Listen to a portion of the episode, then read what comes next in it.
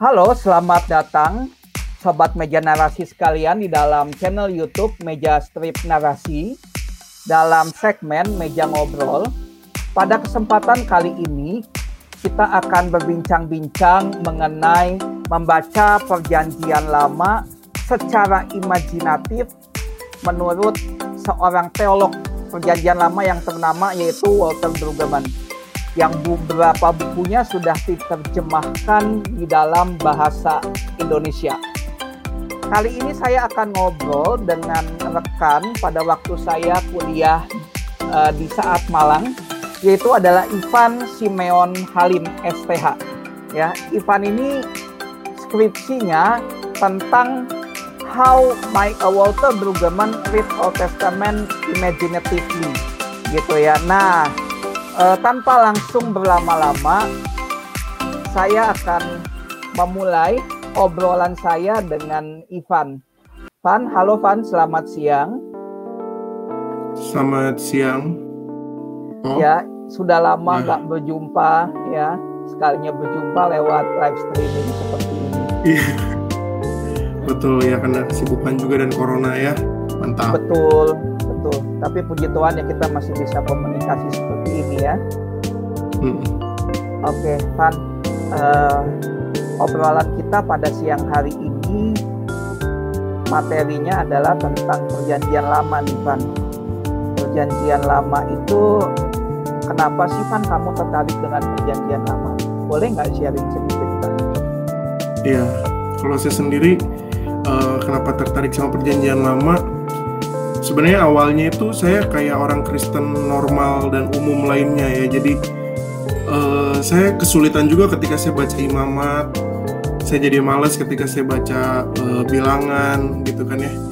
Pokoknya saya mengalami banyak obstacle sebenarnya ketika membaca uh, perjanjian lama. Rasanya feel dan fire-nya beda ketika lagi baca perjanjian baru yang kayaknya sangat dekat dengan kita begitu ya. Tetapi saya mulai suka sama perjanjian lama itu gara-gara waktu lagi kuliah di saat ada mata kuliah bahasa Ibrani. Nah saya nggak tahu kenapa saya tuh suka sekali dengan bahasa Ibrani yang uh, dikontraskan waktu itu sama bahasa Yunani. Ya bahasa Yunani bentuk utamanya kan balik ke saya begitu ya. Apa-apa saya. Oh. tapi di dalam Ibrani ini semua kata dasar dibalikin ke orang ketiga tunggal atau yang selalu dikaitkan dengan Yahweh sebagai uh, the first cause-nya begitu jadi bahasanya aja tuh kayak wah ini menarik sekali ya dan saya mulai suka dan sangat tertarik dengan perjanjian lama karena bahasa Ibrani itu yang pertama. Terus yang kedua, uh, waktu lagi mata kuliah mata kuliah perjanjian lama, saya menikmati usaha begitu ya. Tapi saya punya satu interest yang lebih dalam waktu mulai mata kuliah perjanjian lama yang bahas kitab puisi, terus juga hmm. teks-teks nabi-nabi. Nah di situ saya ya, jadi semakin jatuh cinta begitu ya. Ternyata PL ini seindah itu begitu. Nah makanya saya sendiri sangat sangat uh, tertarik dan sangat uh, mendalami PL khususnya di dalam teks-teks puisi dan teks-teks nabi-nabi itu sih. Oh oke okay. menarik. Jadi Ivan ini pada awalnya sama seperti orang Kristen normal lainnya yang uh, tidak terlalu tertarik dengan perjanjian lama ya orang Kristen normal. Jadi yeah. para sob, uh, sobat meja narasi, kalau memang kita pada awalnya uh, apa namanya tidak terlalu tertarik dengan perjanjian lama, jangan terlalu sedih ya jangan jangan merasa diri aneh karena anda normal gitu. Tetapi harapan ini setelah uh, mendengarkan obrolan kita pada siang hari ini bertobat ya perjanjian lama lebih perjanjian lama Dan menjadi lebih menjadi... menarik gitu. Karena kita akan yeah. coba membeberkan, uh, kita membicarakan bagaimana membaca uh, perjanjian lama dengan uh, imajinasi gitu, lebih imajinatif Tuh. gitu ya. Dan memang okay. sebenarnya dalam pembacaan PL ini kita lebih banyak berpikir kenapa ya ini kok nggak masuk masuk begitu ya. Nah makanya di dalam masa-masa pencarian itu saya betul-betul memikirkan uh, ini gimana ya saya masa sebagai hamba Tuhan saya sendiri tidak tertarik dengan perjanjian lama begitu ya nah oh. singkat cerita ya berusaha berusaha mencari begitu. Hmm, oke okay, oke. Okay.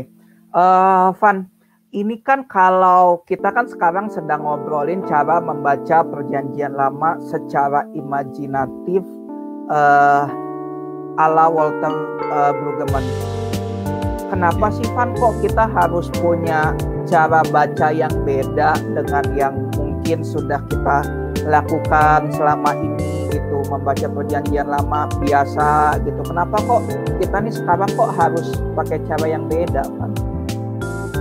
Ya, sebenarnya hmm, ini juga yang dialami oleh Brueggemann ketika Brueggemann menawarkan pendekatan imajinatif ini. Karena Brueggemann juga memikirkan uh, harus menemukan sesuatu yang berbeda karena dia juga menghadapi tantangan-tantangan teologis bagi dia. Nah, kenapa harus Walter Brueggemann gitu ya? Karena bagi saya apa yang diungkapkan oleh teori Brueggemann ini sangat unik khususnya dengan konsep imajinasi ya. Jadi kalau hmm. imajinasinya kita ini bukan imajinasi seperti SpongeBob yang mengatakan imajinasi lalu keluar pelangi gitu ya enggak ya. Tapi berhubungan saya mencatat gitu ya uh, bahwa uh, proses imajinasi itu adalah sebagai sebuah keterbukaan. Ini kata kuncinya ya. Sebagai sebuah keterbukaan, keterbukaan dan, okay. dan sensitivitas terhadap kemungkinan-kemungkinan pengertian yang dapat didapatkan dari refleksi terhadap pengalaman historikal yang terjadi dan terdapat dalam komunitas historis. Jadi kata kuncinya di keterbukaan dan sensitivitas terhadap kemungkinan-kemungkinan pengertian. Nah makanya kalau kita lihat sebenarnya kenapa Brueggemann ini booming sekali begitu ya. Karena uh, apa yang Brueggemann tawarkan ini tepat dan berada di waktu yang tepat yaitu di zaman postmodern begitu ya ketika semuanya lagi pada gerah dengan modernisme yang hanya mengatakan perjanjian lama tuh ngomongin ini loh, oh hanya ini dan di luar ini perjanjian lama nggak ngomongin ini. Nah seakan-akan Brueggemann ini gerah dan bilang enggak, ada kemungkinan lain, ada sensitivitas yang lain.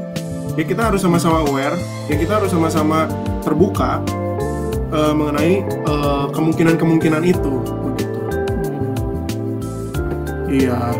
Nah, dari dari titik titik uh, berpikir mengenai imajinasi ini inilah makanya saya sangat tertarik begitu kan nih ini bergumul ini mau bawa pembacaan PL ke mana nih mau ke arah yang mana nih nah gitu bergumul sendiri punya punya ciri khas sendiri yang uh, sangat spesial dan yang saya kira ini uh, di luar dari apa ya dari dari doktrin doktrin teologi di liberalnya gitu.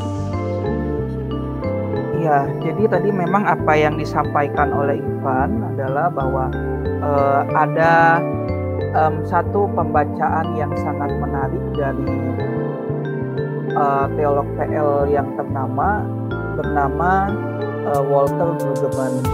Dia ya, mengembangkan, oke, okay, ya, saudara uh, Ivan sudah kembali jadi Brueggemann ini mengembangkan sebuah metode pembacaan yang uh, menekankan keterbukaan dan sensitivitas terhadap kemungkinan pengertian yang baru gitu ya. ya Oke, Pak. Uh -uh. Tadi kamu terakhir sampaikan kepada kita semua, Pan, adalah tentang uh, apa namanya dalam konteks posmo gini ini yang menarik gitu ya, karena hmm. ingin coba sesuatu yang fresh, yang segar gitu. Uh, Van, memang sebenarnya apa sih yang terjadi dalam konteks posmo ini? Atau mungkin secara khusus di Indonesia ini apa yang kamu amati, Van? Sehingga kok kamu bisa bilang bahwa oh metodenya Brueggemann ini tepat? Uh, yang pertama, uh, postmodern ini bukan hanya terjadi di Indonesia ya. Jadi jadi secara global globally uh, happens dan juga uh, mempengaruhi pola pikir banyak orang sebenarnya ini worldview tersendiri. Nah kalau kita melihat sebenarnya di Indonesia sendiri mulai nih mulai mulai uh, banyak usaha-usaha untuk uh, untuk lari sebenarnya lari dari dari Kristenan yang sebenarnya uh, garis garis keras begitu kan ya. Jadi okay. sebenarnya semuanya akan menjadi sama dengan konteks berteologinya Brueggemann yang yang lelah begitu lelah dengan uh, kekakuan yang ada dan berusaha buka kemungkinan-kemungkinan begitu.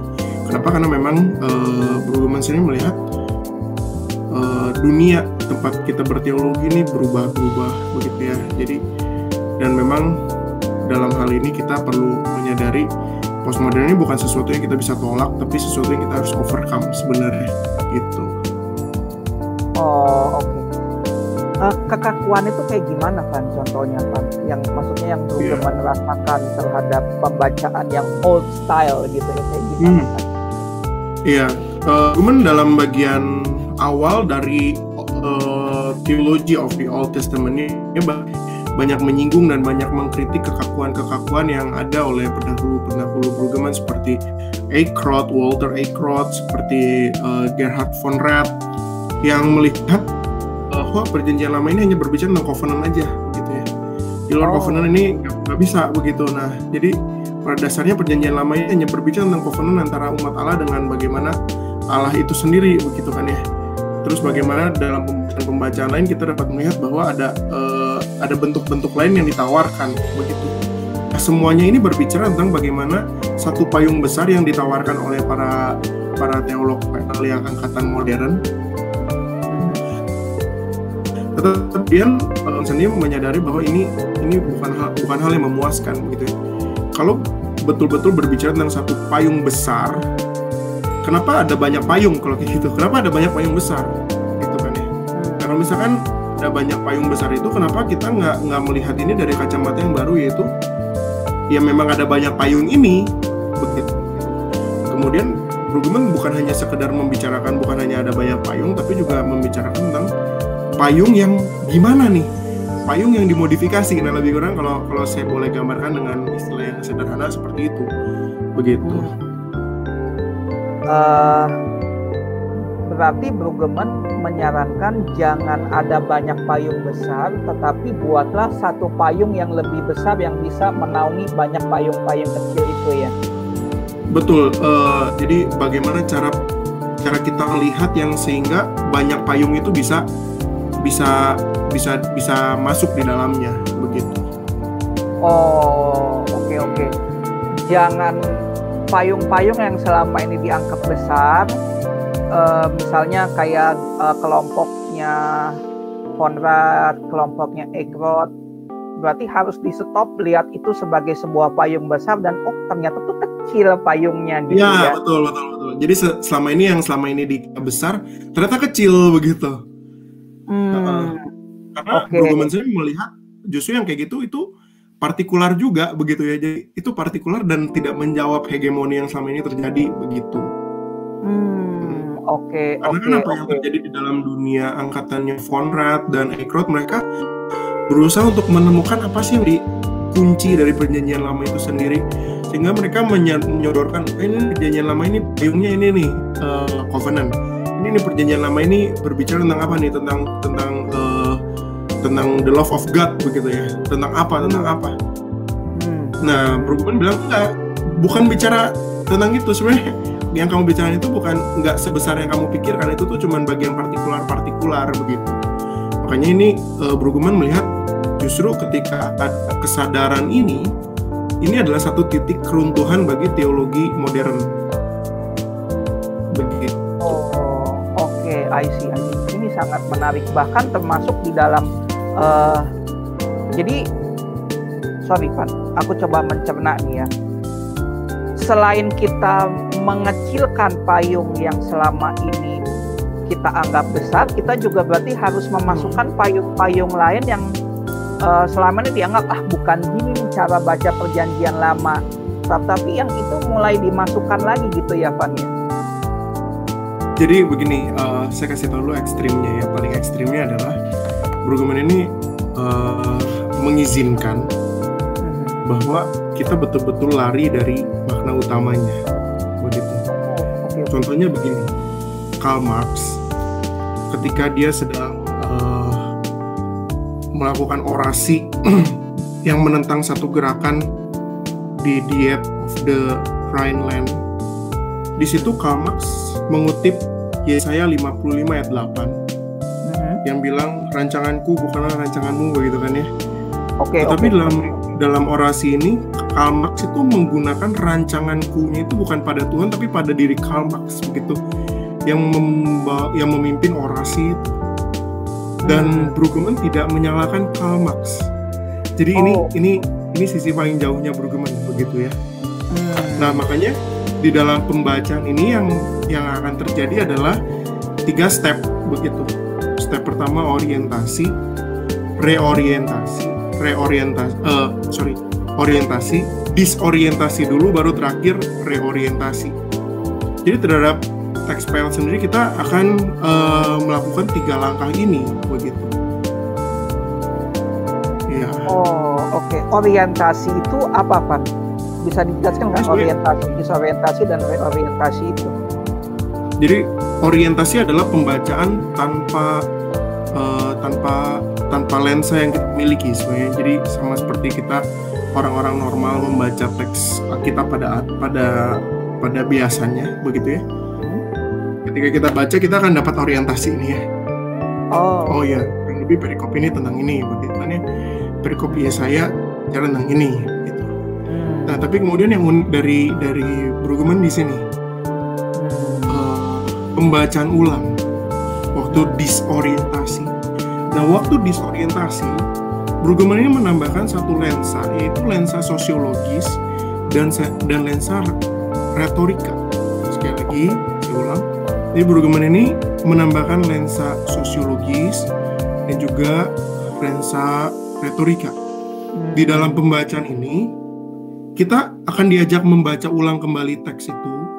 Dan di dalam pembacaan ulang teks itu kita diajak untuk melihat eh, sisi-sisi sosiologis Mhm. yang berkaitan dengan kehidupan kita dan juga retorika-retorika apa sehingga di dalam langkah ini kita bisa dengan langsung mendapatkan langkah ketiga yaitu reorientasi. Ketika kita sedang membaca dengan kacamata sosiologis, kita langsung mendapatkan makna baru, a new meaning yang yang Brueggemann eh, ingin capai begitu. Jadi kelebihan dan ciri khas Brueggemann adalah pada pada lensa sosiologis dan juga lensa retorika. Nah, tapi bukan hanya sesederhana itu ya. Jadi pemikiran Brueggemann ini cukup kompleks ya. Jadi eh, dalam tiga tahap itu, tetapi kemudian kita diajak untuk mengembangkan sensitivitas yang tadi itu ya, sensitivitas dan keterbukaan. Nah, keterbukaan dan sensitivitas ini yang terjadi di dalam satu settingan metafora pengadilan Oh, gitu ya. Jadi kita melihat teks ini adalah teks-teks yang terjadi di dalam satu ruang pengadilan. Begitu. Nah, makanya sebenarnya tekanannya Brueggemann ini di dalam teks PL yang membuat saya klik dengan beliau eh, yang maksudnya membuat saya waktu itu jadi oh suka sekali nih sama Brueggemann karena Brueggemann menekankan pada teologi PL berbasis teks puisi tidak seperti teolog-teolog PL lainnya yang uh, memiliki tekanan pada teks narasi begitu atau pada Taurat begitu kan ya. Nah makanya waktu itu membuat saya menjadi sangat tertarik pada Brueggemann karena Brueggemann juga mengembangkan teologi PL yang uh, berdasarkan teks puisi. Kenapa? Kenapa sekarang pertanyaannya Brueggemann banyak mengambil teks puisi atau teks-teks ucapan begitu kan ya? Iya. Karena bagi Brueggemann begini, teks-teks ucapan atau teks-teks puisi itu sesungguhnya adalah sebuah kesaksian atau testimoni. Nah makanya di dalam teologi PL yang Brueggemann sampaikan, Brueggemann melihat PL itu sebenarnya berbicara tentang testimoni testimoni sih, testimoni tentang tentang Allah yang disampaikan oleh umat Allah. Di dalam testimoni-testimoni itu ada beberapa macam yang mungkin bisa bisa satu, tetapi lebih kurang kenapa harus testimoni? Nah, karena testimoni ini akan membentuk real event. Nah ini poin baru lagi ya. Jadi testimoni akan melahirkan real event. Nah, real eventnya itu yang tadi di eh, di awal yang yang eh, aku sampaikan sebagai kemungkinan-kemungkinan yang terjadi. Jadi kenapa bisa sampai sekompleks dan sedalam itu? Karena memang untuk menjawab dari uh, apa uh, keterkaburan kita dari masa modern ya kita memerlukan sesuatu yang betul-betul fresh dan yang sesuatu betul-betul baru gitu. Kalau cuma hanya sekedar berbicara tentang pembacaan ulang saja ya itu tidak akan tidak akan menjadi sesuatu yang booming saya kira. Nah, kenapa Brueggemann bisa sampai se-booming itu karena memang Brueggemann bukan hanya memberikan pembacaan baru tetapi memberikan lensa-lensa baru dan kemudian dalam bagian ini Brueggemann juga mengutip uh, seorang filsuf dengan mengatakan ini kita harus mendapatkan the second naivety begitu ya. Jadi satu layer yang baru ketika kita memasuki teks Alkitab begitu. Tapi kita perlu pahami dalam hal ini uh, Brueggemann juga adalah adalah orang yang sangat retorikal sekali ya, retorik yang tadi yang saya bilang retorik. Makanya Brueggemann melihat teks PL ini tidak ada kaitannya dengan PB, tidak ada kaitannya dengan Tuhan Yesus. Nah makanya dalam bagian ini kita perlu betul-betul berhati-hati begitu. Karena sesungguhnya memang PL bukankah menyiapkan kita untuk lebih memahami apa yang Kristus kerjakan. Sebenarnya itu sih dalam bagian hmm. ini. Oh oke okay, oke okay, oke okay. ini ini poin yang menarik dari uh, Brueggemann bahwa dia melihat PL tidak berhubungan dengan PP gitu ya. Iya betul. Sehingga Karena Brueggemann sendiri punya latar belakang uh, dia diasuh oleh uh, bukan diasuh ya dibimbing dalam dia berteologi oleh seorang yang bernama James Muhlenberg. James Muhlenberg ini adalah seorang yang sangat terkenal kalau kita melakukan form criticism. Nah, jadi Brueggemann ini sangat sangat ketat dalam teks dan dalam uh, form criticism sehingga melihat bahwa enggak enggak ini bukan bicara tentang mega narasi gitu ya, bukan meta narasi yang besar. Tapi bicara tentang teks itu sendiri, begitu sebenarnya teks itu sendiri adalah teks yang kaya, begitu yang kita perlu gali. Lebih kurang seperti itu. Evan kalau belum dia juga sih ada meta narasi. Iya, uh, Brueggemann ini tidak setuju ya. Jadi uh, dengan jelas-jelas dia dia katakan bahwa dia tidak setuju meta narasi. Begitu ada di dalam uh, Theology of the Old Testament yang dia tulis begitu. Justru uh, dia menyerang meta narasi begitu. Hmm, dia menyerang meta narasi dengan uh, menyampaikan metafora ruang pengadilan gitu ya. Iya. Nah ini menariknya gini, uh, kenapa dia tidak setuju dengan meta narasi gitu kan ya? Karena meta, uh, di dalam meta narasi yang semuanya mengkaitkan kepada Yesus Kristus, Brueggemann ini uh, melihat bahwa itu adalah tindakan-tindakan reduksionisme terhadap teks begitu. Jadi ketika kita membaca teks PL, jangan kita kacamata penembusan Allah bagi bagi uh, Brueggemann. Tapi mari kita baca teks PL sebagaimana teks PL harus dibaca dan bagaimana dengan menggunakan dua lensa yang dia tawarkan. Begitu. Okay. Lensa sosiologis dan juga uh, lensa, lensa retorikal gitu ya. Betul. Nah, pan kalau yang aku nangkep nih pan berarti yang tiga tiga tiga step tadi itu yang orientasi, disorientasi, dan reorientasi itu kan sebenarnya sama aja kan dengan metafora ruang pengadilan yang dia pakai gitu ya. Iya betul. Hmm, Oke. Okay. Nah info untuk uh, para sobat meja narasi uh, apa sih metafora ruang pengadilan yang dipakai oleh Brueggemann? Simpelnya adalah ada tesis, antitesis, kemudian sintesis gitu betul ya Pan ya? Ya, tapi bukan hanya sintesis, tapi mungkin bisa jadi uh, makna yang betul-betul berbeda begitu. Jadi. Brueggemann betul-betul terbuka yang kayak tadi saya kasih contoh yang tentang Karl Marx begitu ya. Itu itu berbeda sekali begitu. Nah, oh, berarti selama ini uh, aku masih ada salah memahami juga ya tentang Brueggemann ini. Hmm Oke Van, langsung masuk ke dalam um, contoh pembacaan dia nih Van. Kalau deskripsimu kan kamu ngajuin Yesaya 55 nih Van sebagai uh, studi kasus gitu ya. boleh nggak nih sampaikan kayak gimana sih cara Brueggemann baca Yesaya 55 ini? uh, Yesaya 55 ini uh, jadi satu bab sendiri ya di dalam skripsi saya. Kenapa? Karena memang Brueggemann sendiri itu banyak sekali dalam buku-bukunya tuh mengutip Yesaya 55 yang dia sudah bikin komentarinya begitu. Jadi seakan-akan Yesaya 55 ini jadi satu teks yang powerful. Nah, sebenarnya di dalam pembacaan teks Yesaya sendiri, uh, Brueggemann ini melihat ada ada keunikan di mana uh, konteks politik dan sosialnya itu sangat kental dan makanya uh, ketika dia memasukkan lensa yang dia sampaikan ini menjadi sangat uh, sangat match sangat klop begitu ya dengan dengan tesis yang dia sedang uh, berikan begitu. Nah dalam dalam uh, pembacaan pertama ya saya 55 begitu ya ini secara singkat aja kali ya karena panjang juga.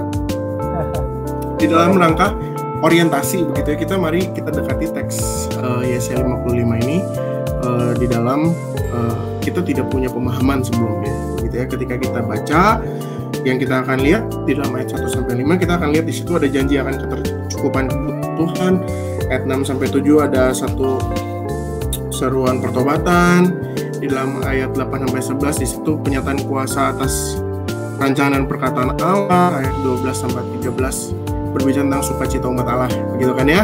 Nah lebih kurang sampai sini kita semua setuju. Begitu kan ya?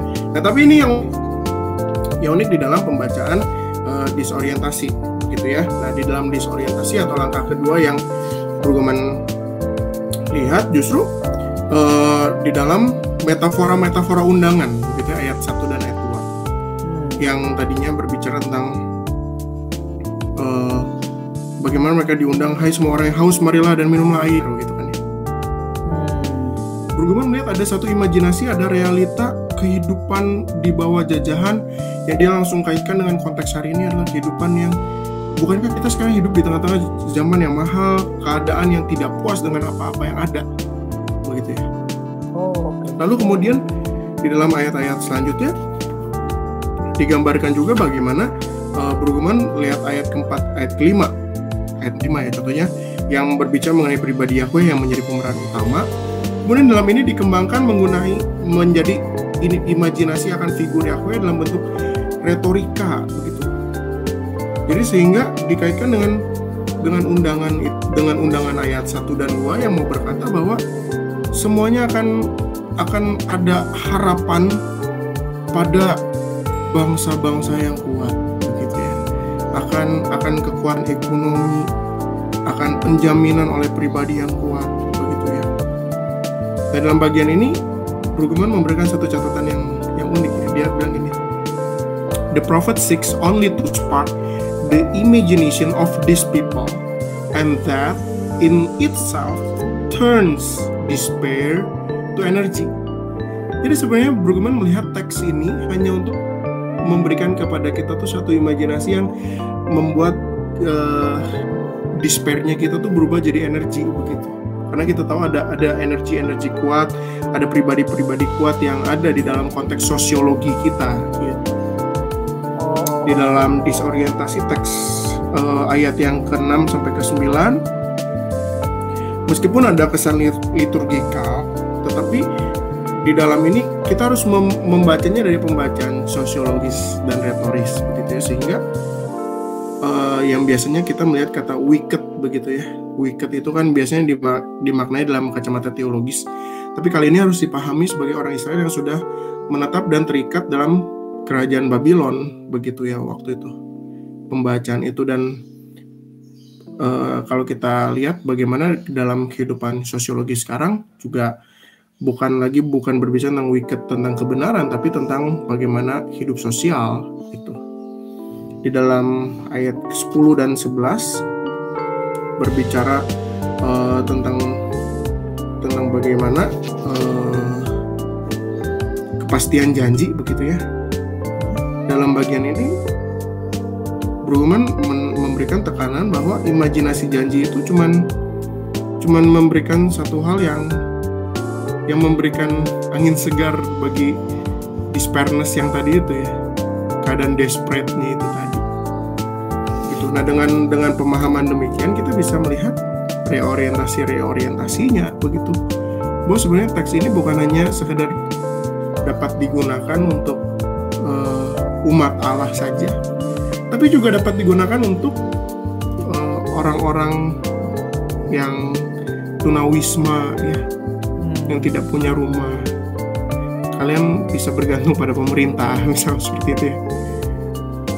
Uh, bisa juga bagi orang-orang yang yang tidak memiliki harapan dalam kesehatan kalian bisa bergantung pada dokteran misalnya seperti itu. Oh. Tetapi tetapi balik lagi uh, ketika saya sudah berada dalam titik akhir uh, memahami pemikiran Brueggemann justru saya jadi banyak mengkritik Brueggemann juga begitu ya hmm. karena ini tidak tidak tidak sesuai dengan uh, yang sebenarnya firman Tuhan yang dikatakan gitu memang kita perlu akui dan kita perlu memberikan apresiasi pada Brueggemann yang memberikan kepada kita satu pemahaman yang unik dan baru dan mencengangkan. Tetapi uh, untuk ditarik ke dalam ranah kebenaran, kita perlu betul-betul uh, kritis dalam hal ini. Begitu. Lebih kurang seperti itu ya. Oke, oke, oke, oke. Uh, Van, jadi Brueggemann membaca Yesaya 55 ini uh, di dalam tujuannya untuk kasih penghiburan gitu ya, kasih semangat kepada orang-orang gitu ya. Kalau mm -hmm. situasi um, seperti apa sih situasi kita sekarang? Situasi kita sekarang itu tidak jauh berbeda dengan orang-orang Yahudi yang berada dalam konteks sebagai jajahan Babel gitu ya. Betul. Oke, dan kemudian sosok dari Yahweh Tuhan Allah Israel um, bagi Brueggemann itu diartikan sebagai sosok penyelamat, sosok yang bisa memberikan energi kepada orang-orang yang sedang dalam uh, despair, dalam kesulitan, hmm. dalam suasana uh, stres, begitu ya. Hmm. Oh, Betul ada yang menarik sih di sini memang kalau waktu baca ya saya 55 jadinya nggak lagi dikaitkan dengan Kristus ya. Iya. Makanya ini sebenarnya kan jauh sekali begitu padahal kan kalau kita lihat teks 55 ini juga unsur mesianik kuat juga gitu kan ya sebenarnya. Betul, betul. Bagaimana bagaimana Kristus datang untuk manusia yang uh, membutuhkan pengharapan yang kekal sebenarnya begitu. Hmm. Tetapi dalam bagian ini Brueggemann bahkan tidak menyinggung nama Yesus Kristus sedikit pun begitu. Kenapa? Karena memang Brueggemann uh, sedang menghindari metanarasi itu begitu. Hmm, oke. Okay. Van, kalau kamu duga Van yang kayak gini tuh bisa nggak disebabkan karena uh, Brueggemann pengen merangkul juga orang-orang Yahudi. Karena kan kalau aku baca di bagian bab 1 uh, bukan bab 1 sih bagian depan dari teologi of the Old Testamentnya dia banyak menyalahkan orang-orang Kristen yang membaca PL secara kristologis sehingga orang Yahudi itu kayak bilang enggak ah gue nggak mau ikutan nih ke dalam teologi perjanjian lama. Teologi perjanjian lama itu produknya orang Katolik eh orang sorry bukan Katolik orang Kristen Protestan yang benci kepada kami. Ya betul. Jadi memang uh, ini juga uh, bagaimana hubungan Brueggemann sama sama keyahudian teks itu sangat kuat ya. Jadi memang uh, kuncinya adalah Brueggemann di satu sisi pengen memberikan satu pembacaan yang baru, tapi di sisi lain di dalam pembacaan itu dia ingin betul-betul hanya fokus pada teks itu sendiri bagaimana puncaknya sebenarnya. Oh, oke. Berarti memang sedikit banyak pembacaan Brueggemann yang seperti ini karena dia juga ingin mengajak orang Yahudi gitu ya eh kita nih orang Kristen juga bisa loh baca baca perjanjian lama dengan tidak secara kristologis gitu ya Pak ya.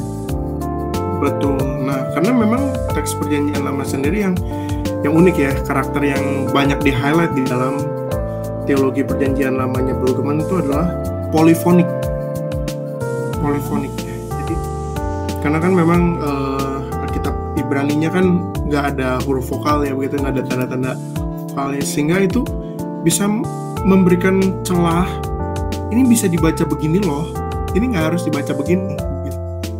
dan sebenarnya Bruman banyak memainkan celah itunya begitu oh gitu oh. ya jadi di dalam pendekatan retorik yang Brueggemann sampaikan yang tadi itu kacamata sosiologinya dan kacamata retorik Brueggemann juga banyak uh, masuk dari sisi itu begitu. Bagaimana retoriknya ini kita bisa bisa lihat dari banyak uh, sisi begitu. Begitu oh, I see. Ya jadi sama ini kan sama HP Nokia zaman dulu kan kenapa? Kenapa HP Nokia? Ya, bisa kompos kompos ringtone sendiri Pak oh ya ya boleh boleh lah. Kamu bilang apa namanya uh, dari huruf-huruf Ibrani yang tanpa vokal kok aku jadi kompos apa ya kompos nada sendiri gitu. Tapi pendengar yang yang milenial nggak ngerti uh, merek Nokia itu apa ya. Oke. Okay. kamu sendiri ngerti ngerti nggak pak tahu tahu dulu saya pernah punya Nokia SD lah. SD ya kompos nada masih inget ya? Iya. Um, terus Van yang menarik lagi pada waktu membaca ini adalah uh, jadinya kamu mengkritik balik uh, cara membaca gitu ya. Betul. Memang di awalnya tuh aku lihatnya kayak oh, ini angin segar nih.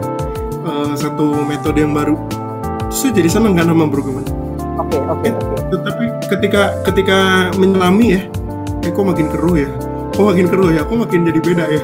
Gitu ya. Oh enggak lah uh, mungkin ada sisi-sisi baik yang kita bisa ambil dari program tapi ada ada sisi-sisi yang kita harus hindari begitu. Hmm. memang kita perlu akui banyak memberikan insight begitu kan ya? Hmm. Justru di dalam khotbah sendiri ya ketika kita menggunakan metode Brueggemann sampai lensa kedua kita betul-betul bisa mengkhotbahkan teks-teks PL yang membosankan dengan memberitahu kepada mereka inilah yang mereka sedang alami konteks sosial ini dengan lebih detail, dengan lebih dalam. Gitu. Insight itu yang sebenarnya berguna. Tetapi ketika Brueggemann um, mengkat kaitan PL dengan Yesus Kristus, saya kira itu yang kita perlu betul-betul uh, aware begitu. Oke. Okay. Hmm. Ada kaitan nggak Pan antara uh, ini kan dia menafsirkan Yesaya pasal 55 kan dalam buku akademik ya berarti kan itu pembacaannya uh, lebih general gitu ya hmm. enggak ketika dia bikin satu artikel atau sifatnya devosional dia akan menggunakan pembacaan yang lebih Kristen gitu ya lebih kristologis biarpun nggak eksplisit. Sebenarnya Brueggemann juga ini ya uh, bukan hanya menulis secara akademik. Jangan lupa dia adalah salah satu orang yang nulis sangat banyak. Dia juga banyak nulis tentang buku-buku uh, devosional ya. Ada beberapa judul yang uh, contohnya saya saya ingat-ingat. Seperti seperti uh, buku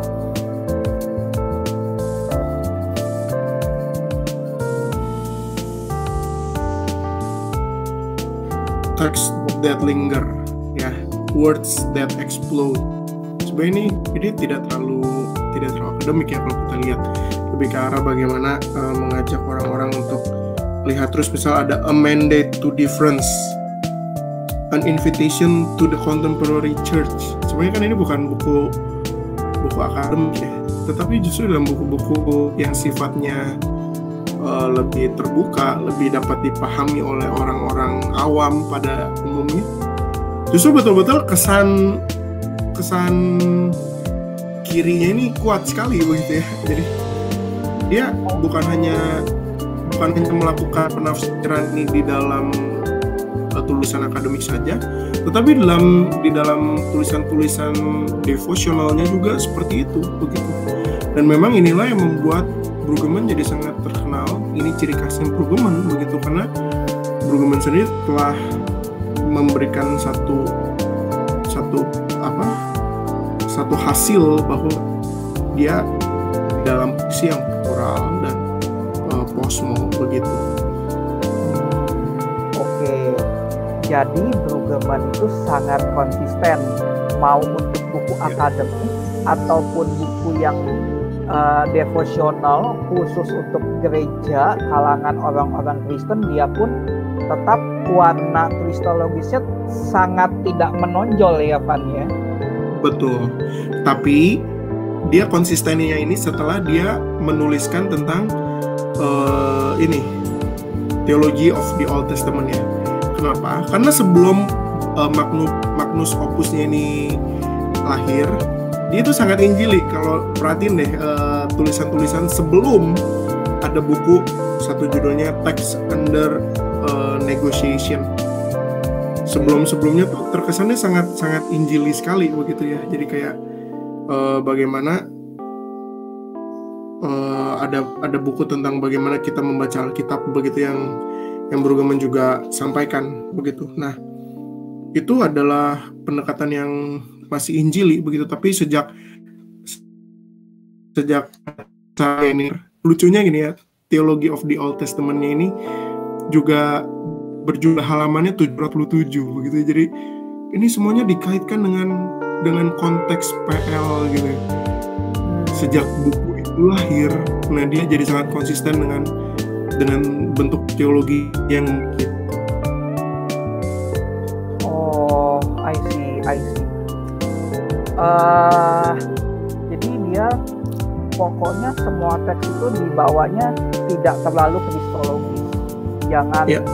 diartikan untuk sebagai jembatan terhadap perjanjian baru gitu ya. Betul. Kan kalau pas skripsimu ini kamu sempat juga nggak sedikit dalam bukunya dia yang An Introduction to the Old Testament, the Canon and Christian Imagination.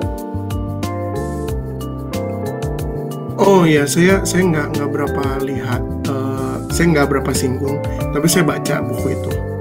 Gitu tapi uh, kanon sendiri dia punya pemaknaan kanon yang yang unik begitu kan ya. Jadi bagaimana sebenarnya nanet ini perlu digali ulang. Kurang lebih yang saya pahami tentang tulisan kanon dan Brueggemann di kanon sendiri juga harus dipahami dari kacamata lensa itu sosiologis dan politik. Sehingga juga pembacaan PB pada dasarnya uh, juga memiliki nilai-nilai sosial politik juga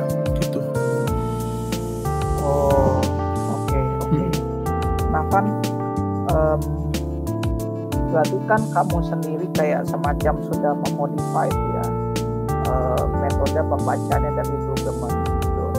Kamu pakai teorinya tentang sensitivity and openness gitu. Tetapi kamu modify ketika kamu praktek langsung di dalam uh, kamu membaca Alkitab Perjanjian Lama gitu kan. Iya. Dapat dikasih guideline sederhana atau ringkas mungkin kepada sobat regenerasi gimana sih cara kita untuk boleh mengapply-nya tapi selektif. Uh, satu hal yang kita perlu pahami kalau mau menggunakan langkah-langkah Brueggemann kita harus punya uh, dasar dasar yang kokoh dulu begitu ya jadi bagaimana kita pahami bahwa PL itu adalah sebagai firman Allah yang sebenarnya setara juga dengan PB dan memiliki kaitan dengan Yesus Kristus yang semuanya berbicara tentang konsep perusahaan Allah. Ini ya satu pagar pertama yang kita perlu miliki. Lalu ketika kita memasuki uh, orientasi, jadi kita masuki teks uh, kitab itu juga penuh dengan rasa humbleness dan teachable untuk untuk melihat keindahannya satu. Dan kita akan memperoleh uh, memperoleh orientasi itu, begitu ya. Nah, kemudian waktu kita memasuki reorientasi, uh, disorientasi, ketika kita memasukkan lensa retorik dan kita memasukkan lensa sosiologis dalam pembacaan kita, saya mengajak setiap kita jangan menjadikan itu sebagai uh, intinya, inti dari dari teks itu sendiri, tapi adalah sebagai satu kesan untuk kita lebih memahami konteks dan apa yang terjadi dalam perjanjian lama pada saat itu. Jadi ketika dalam pembuka yaitu disorientasi yang terjadi. Pembacaan itu akan membuat kita lebih memahami konteks. Sehingga di dalam imajinasi yang kita miliki ketika uh, mengikuti langkah-langkah yang disarankan oleh Walter Brueggemann, kita memiliki imajinasi yang betul kita sensitif akan keterbukaan yang sebenarnya lebih dekat dengan kondisi saat itu sebenarnya itu di dalam pendekatan yang telah saya modifikasi ini begitu.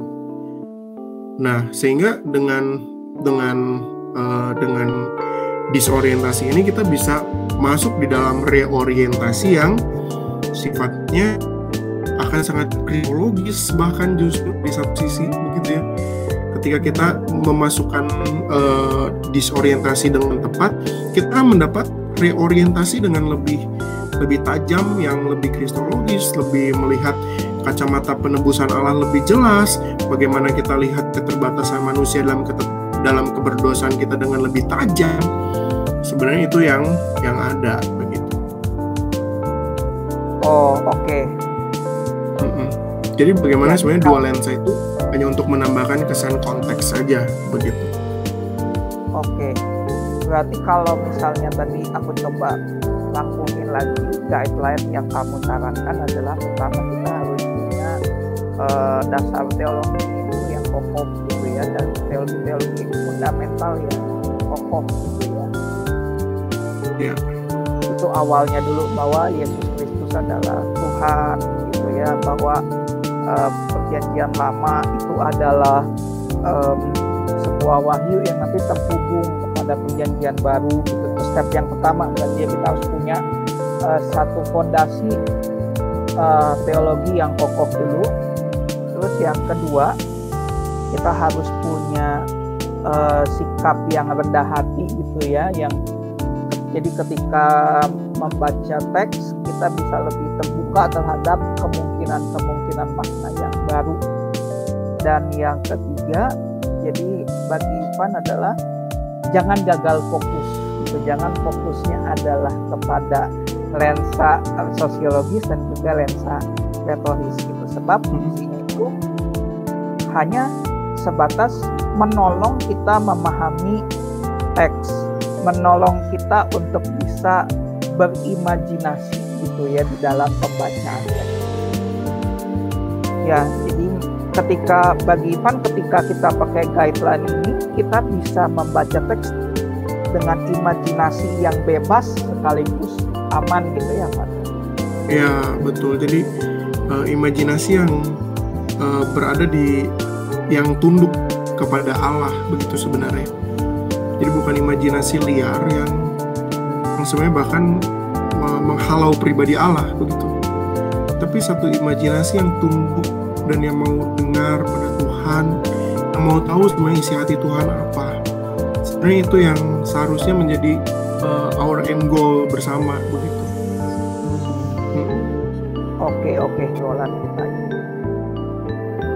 mungkin saya lebih ke arah uh, satu ajakan mari kita melihat perjanjian lama bukanlah sebagai satu teks yang membosankan, tapi sebagai satu keindahan isi hati Tuhan yang kita perlu betul-betul dalami, yang kita betul perlu perlu selami, dan daripadanya kita bisa lebih memahami siapa kita.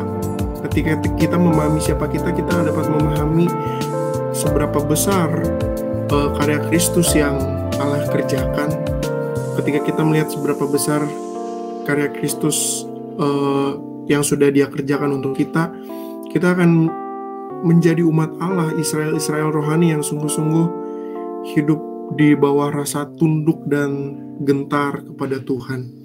Itu aja. Oke, baik sebuah kata penutup yang mengajak kita semua untuk uh, kembali kalau kata orang Sunda itu eling ya. Sadar gitu ya. Kalau orang Jawa bilang ngeh gitu ya. Kalau oh eh, kamu ini tuh Israel rohani. Ya lewat pembacaanmu terhadap perjanjian lama kamu harus sadar bahwa kamu itu adalah uh, Israel rohani.